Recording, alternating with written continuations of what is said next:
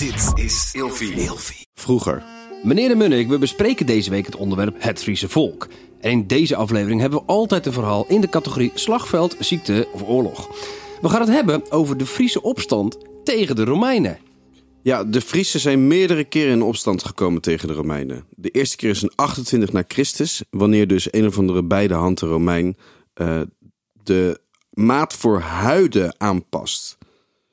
Um, het heeft te maken met de, de huid van een oeros wordt als maatstaf uh, genomen waaraan de geleverde huiden moeten voldoen. Um, de Friesen leven onder de Romeinen en ze zijn een soort van opgenomen in het Romeinse Rijk. En dan moet je een soort belasting betalen en moet je dus huiden leveren. Maar de Friese os is veel kleiner. Is wat kleiner, ja. Veel kleiner. En de Romeinen die gaan dus, zeg maar, de Friese te lijf door boerderijen plat te branden, nog meer dingen of nog meer huiden op te eisen. En eigenlijk een soort terreur op de Friese te laten neerdalen. Nou, de Friesen zijn het hier niet mee eens. En die organiseren zich en komen in opstand tegen de Romeinen. En uiteindelijk wordt dus, uh, uh, gaat het zover dat dus het grootste uh, Romeinse legioen, de Germania Inferior, wordt ingeroepen. En keizer Tiberius moet dus um, ja, de Friese neerslaan. Nou, dat gebeurt uiteindelijk met hele grote verliezen. En aan beide kanten, hè? Aan, aan, beide kanten, zeker. En eigenlijk is er een soort van agree to disagree. Het heeft 60 jaar geduurd, lees ja, ik hier. absoluut. En vervolgens, ja... Um, de, de Friesen krijgen dus een enorme reputatie onder de overige Germaanse volkeren. En ze staan eigenlijk gewoon ja, een soort van symbool voor uh, opstand en verzet tegenover de Romeinen. Pas in 47 na Christus werden de Friesen opnieuw onderworpen.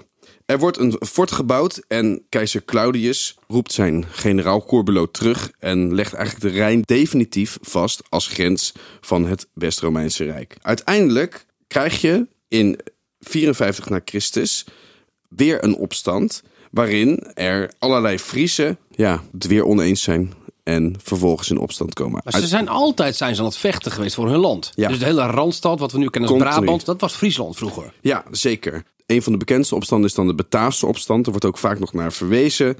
Dat eigenlijk ja, komt het weer op hetzelfde neer. Um, er moesten hulptroepen geleverd worden. Dit werd geweigerd.